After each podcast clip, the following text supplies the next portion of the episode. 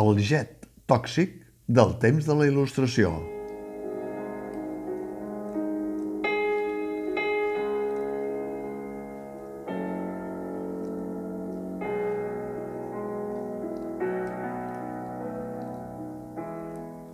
Plana per damunt de tot un pamflet anònim incendiari que porta a la faixa Jean-Jacques Rousseau i que impregna tot el diàleg que mantenen ell i François-Marie Arouet, altrament dit Voltaire. En temps de la il·lustració, malgrat els llums del segle, el pamflet anònim és un preludi del que vindria dos segles després, amb l'esclat de les xarxes socials i els allaus d'impromperis que s'hi difonen sense restriccions a tort i a dret. Rousseau, per aquells temps, en vol imprimir un miler llarg per desemmascarar l'autor que el deixa com un drap brut. Els pamfletaires digitals del segle XXI també aspiren a ser retuitats i laicats massivament per aconseguir el seu propòsit. La confrontació històrica del segle XVIII entre Jean-Jacques Rousseau i Voltaire, com era previsible, només el temps l'ha posada al seu lloc.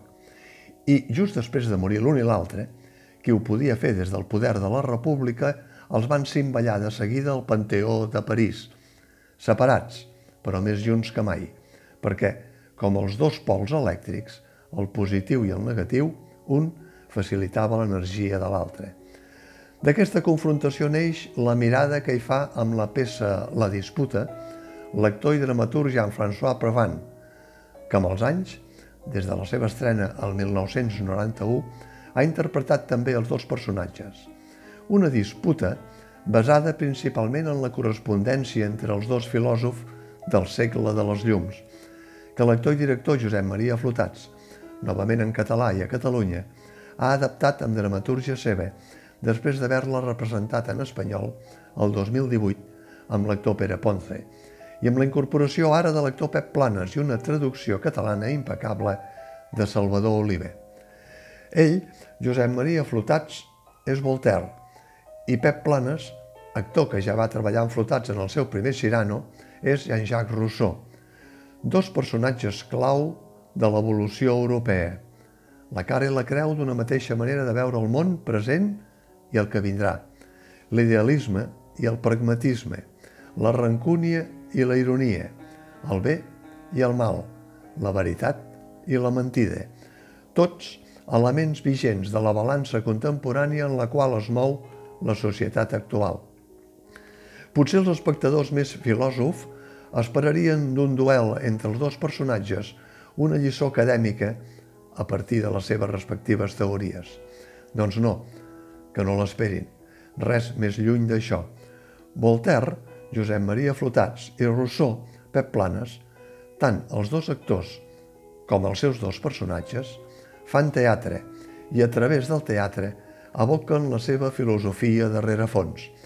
Com en un ring, a cops de campana arbitral, les invectives d'un tenen les rèpliques de l'altre. Com en un ring, hi ha cops fallits i cops baixos, i també algun cau que delaten els silencis o els mutis de Voltaire.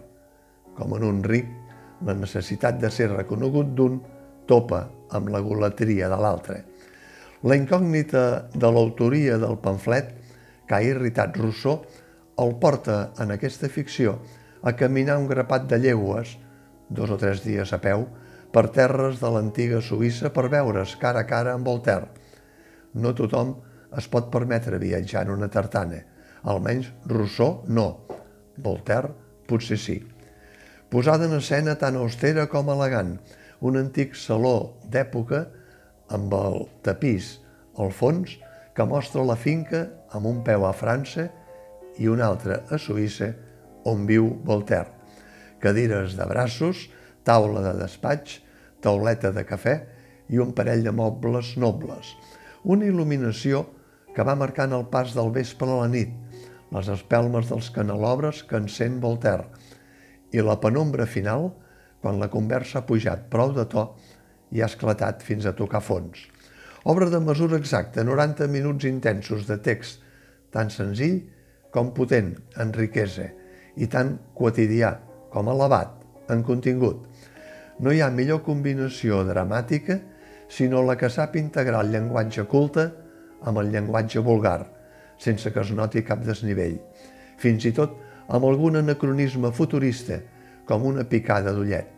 Obra de dos actors al màxim, el veteraníssim Josep Maria Flotats, 85 anys, que, com si fos encara aquell 1986 del Cirano, però amb gairebé 50 anys més de trajectòria, continua tenint el reconeixement d'un públic català que el venera i que el rep, després de la travessia del desert, com si simplement ell arribés i digués, com dèiem ahir, i també la represa de l'actor Pep Planes, massa temps lluny dels escenaris d'aquí, de formació teatral francesa com flotats, i que per exigències del guió té una bona part del diàleg al seu càrrec, ni que sigui des de la flamarada del colèric Rousseau, que Voltaire apaga amb manegada eixuta d'ironia cínica i una aparent serenitat, tot i la processó encara va per dins.